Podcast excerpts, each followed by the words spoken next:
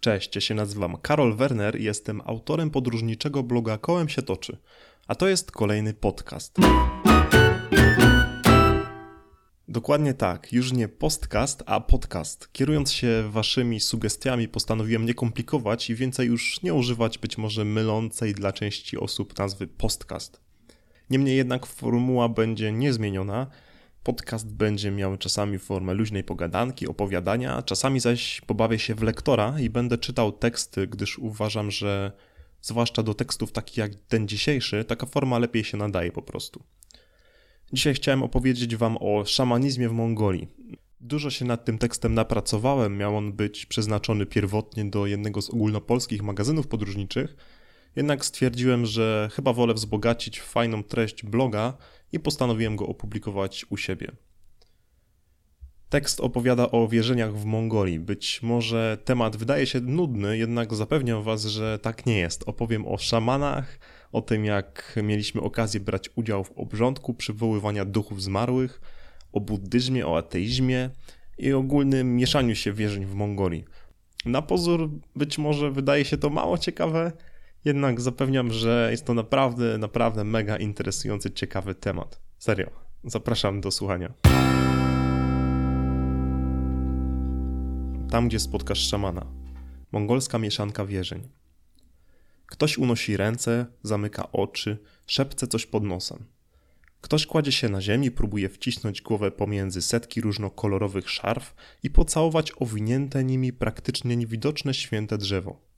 Inny zaś bierze zamach i ciska w kierunku tegoż drzewa trzymany w garści ryż, który bezdźwięcznie spada na ubitą tysiącami podeszw glinę. Jeszcze inna osoba, skrywająca swoją pomarszczoną, wysuszoną silnym wiatrem twarz pod słomianym kapeluszem, oblewa wszystko wokoło mlekiem uchate wprost z kartonika, a z boku kilka dzieciaków fotografuje wszystko smartfonami. Przekraczając drewnianą bramę, oto wkracza się na teren święty, ponadzmysłowy, metafizyczny – na ziemię zamieszkałą przez duchów przodków. W metalowej budce postawionej przed drzewem, a za podestem pełnym złożonych w darze herbatników, cukierków i innych słodkości tlą się zaś wonne kadzidełka mające wprowadzić przybyłych w stan równowagi, uduchowienia i medytacji. Tłumy ściągają tutaj, aby oddać cześć świętemu drzewu, w szczególności zamieszkującym je duchom, aby sprzyjały w sprawach przyziemnych, pomogły przetrwać trudny czas, zajść w ciążę, czy też pobłogosławiły nowy samochód.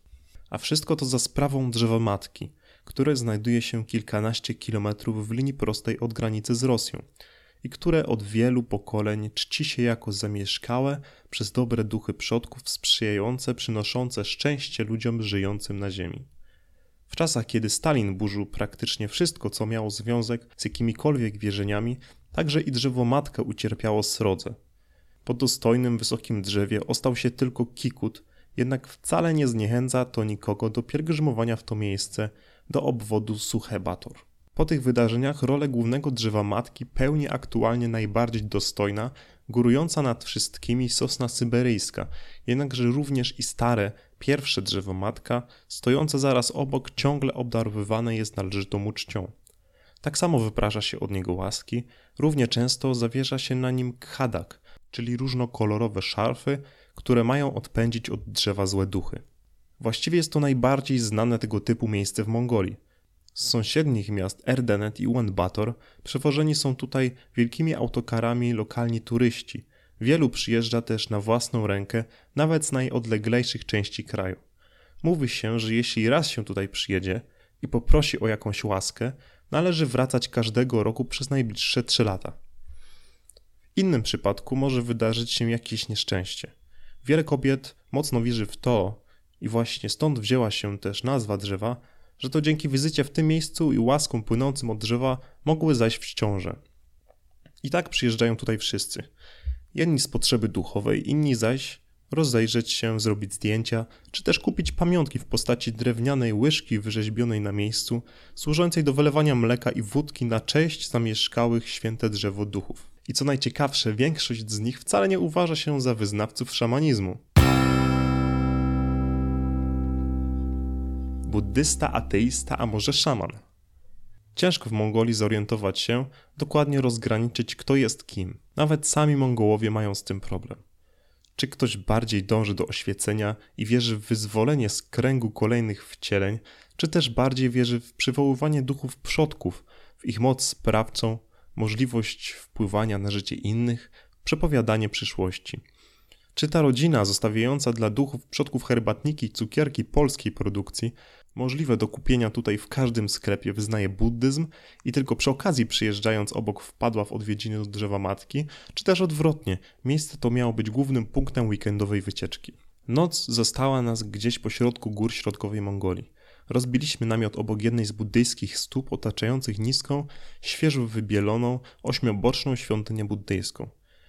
Najbliższa jurta znajdowała się w odległości co najmniej kilkunastu kilometrów, zaś drogą, która biegła po sąsiednim zboczu góry, nikt nie jechał od samego rana. Można uznać, że byliśmy sami pośrodku niczego, tylko my, głucha świątynia i sześć stóp ją okrążających. Niemałym zaskoczeniem była zatem parkująca nagle obok nas biała Toyota, z której wyszło dwóch przyodzianych w luźne dżinsy i lekko pożółkłe koszule mężczyzn. Zbliżają się wolno, chwiejnym krokiem, lekko uśmiechają – blisko 80-letni ojciec o imieniu Gantulga, czyli Stalowe Serce, wraz z 26-letnim synem Bad Erdene, czyli Silny Klejnot. Szczęśliwy, pierwszy raz od dawien dawna możemy porozmawiać po angielsku. Nie można takiej okazji zmarnować. Zatem uderzamy prosto z mostu, gdyż sprawa nie daje nam spokoju. Wyznajecie szamanizm czy buddyzm? Pytam po szybkim zaznajomieniu się. Syn patrzy na mnie, ja na ojca, a ojciec zaś na syna, wyraźnie domagając się tłumaczenia, jakby domyślając się, że po kilkuminutowej wstępnej pogawędce o tym, jak się spało, jaka pogoda i czy rowery sprawne, wreszcie wypływa jakiś ciekawy temat do rozmowy.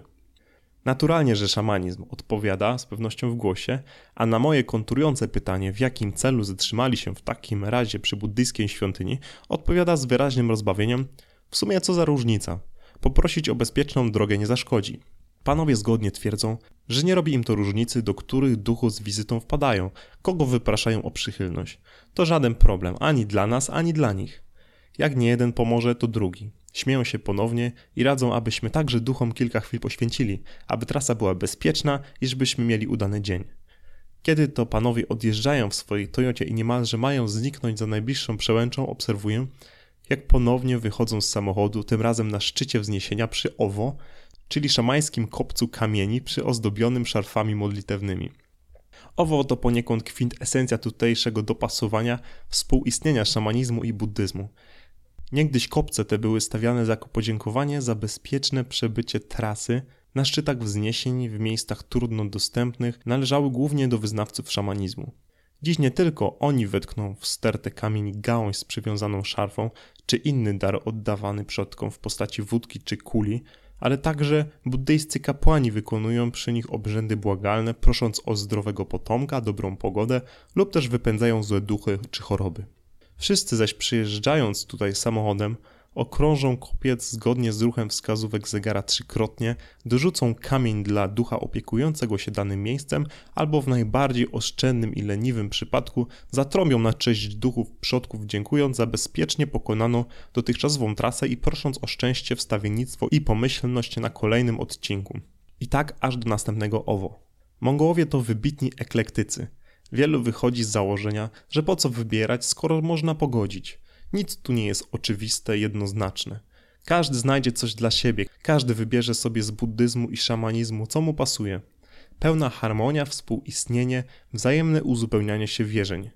Nikt nikogo od heretyków nie wyzywa, nikomu nie przeszkadza to, w jakim stopniu ktoś inny poświęca się konkretnej formie oddawania czci siłom pozaziemskim. Innym razem zawitaliśmy do domu małżeństwa szamanów, którzy mimo młodego wieku 23 i 25 lat Szczycili się tym, że przeszli liczne szkolenia u szamana starszego i są jednymi z najbardziej poważanych przywoływaczy duchów w okolicy. Sesja trwała dobre dwie godziny. Najpierw nad paleniskiem rozgrzewa się szamański bęben, aby jego dźwięk był bardziej głęboki, donośny, dla ducha zrozumiały. Następnie zakłada się cały szamański rynsztunek wraz z czapką, z której na twarz opadają liczne frędzle, całkowicie ją zasłaniając. Wtem szaman po zażyciu wprowadzających w stan odurzenia ziół siada na krześle, lekko się pochyla i miarowo jednostajnie zaczyna uderzać w bęben. Najpierw cicho, niemrawo, później z każdą kolejną minutą coraz szybciej i żwawiej. Im silniejszy ruch, tym bardziej do głosu dochodzą zawieszone na przedramieniu i podwieszone pod drewnianą pałką metalowe dzwonki i monety. Nagle szaman przerywa i pada na ziemię. Nienaturalnie kaszle, niezdarnie próbuje się zebrać z ziemi, my zaś siedzimy z boku i nie wiemy zupełnie co począć. Rodzina zajęta jest zaś przygotowywaniem kolacji. Połączył się z dziadkiem, tłumaczy jego matka, której zaprzestanie uderzenia w bęben jednoznacznie dało znać, że to już. Podbiega, łapie syna szamana w pasie i siada na pufie pośrodku pokoju. Kolejno wszyscy członkowie podchodzą do szamana, teraz już dziadka, i pytają, a to o pogodę, o plony na poletku, porady związane z wystawą psów, na którą chcą wysłać swoich rasowych przyjaciół biegających przed domem i jurtą, a to o jego życie wieczne. Pytają też o zdrowie. Przychodzi nawet sąsiadka z małym synkiem, który to nabawił się jakieś wysypki. Podobno swędzi, robią się bąble.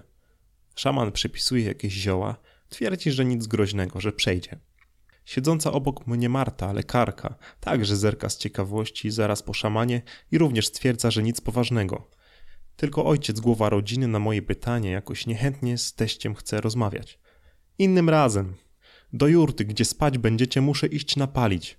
Szepce, puszcza oko i zamyka drzwi za sobą. Jednak także i tutaj szamanizm miesza się z buddyzmem i odwrotnie. Ściany przyozdobione są obrazami z cytatami z Dalaj Lamy. Rodzina niedawno była w odwiedzinach na swego rodzaju pielgrzymce nieopodal w buddyjskiej świątyni Amar Galant. Zaś w rogu pokoju znajduje się wielki posążek Buddy, który, o ironio, niemal strącił z podestu spadający na ziemię bęben szamański, który dostali w spadku właśnie od dziadka. Wiesz, trochę dystansu do tego wszystkiego. Czasem pogadam, jednak szczerze mówiąc, to nie mam potrzeby. Zdecydowanie bardziej wolę porozmawiać ze sobą samym, medytować to znaczy. Stwierdził później już po wszystkim ojciec. Ale jak to, że nie wierzy pan w przywoływanie duchów? Zapytałem. Wierzę, owszem. Jednak wiesz, trochę dystansu. Niekoniecznie będziecie mieli trójkę dzieci, niekoniecznie też stanie ci się coś złego w ciągu najbliższych 15 dni, mówi, przypominając mi później nasze przepowiednie szamańskie. Odwiedzicie jutro jakieś owo, rzucicie kamień, wyprosicie duchy albo wstąpicie do świątyni buddyjskiej, poprosicie o szczęście i też będzie dobrze. Dzięki wielkie za uwagę, to koniec. koniec, że tak powiem, czytania. Mam nadzieję, że się podobało, że być może komuś podeślesz link do podcastu, do bloga, polecisz, udostępnisz cokolwiek, co pomoże być może mojej twórczości dotrzeć do nowych osób. Byłoby fajnie, byłbym wdzięczny Ci za to. Jeśli ciekawią Cię być może zdjęcia tych, tego owo, zdjęcia szamana, którego mieliśmy okazję odwiedzić, nagrałem nawet kilkuminutowy film e, podczas e, przywoływania duchów przez szamana w domu, w domu naszych gospodarzy. Więc jeśli chciałbyś zobaczyć, jak to wyglądało, naprawdę nie tylko czytać tekst, to zapraszam Cię do wpisu na blogu.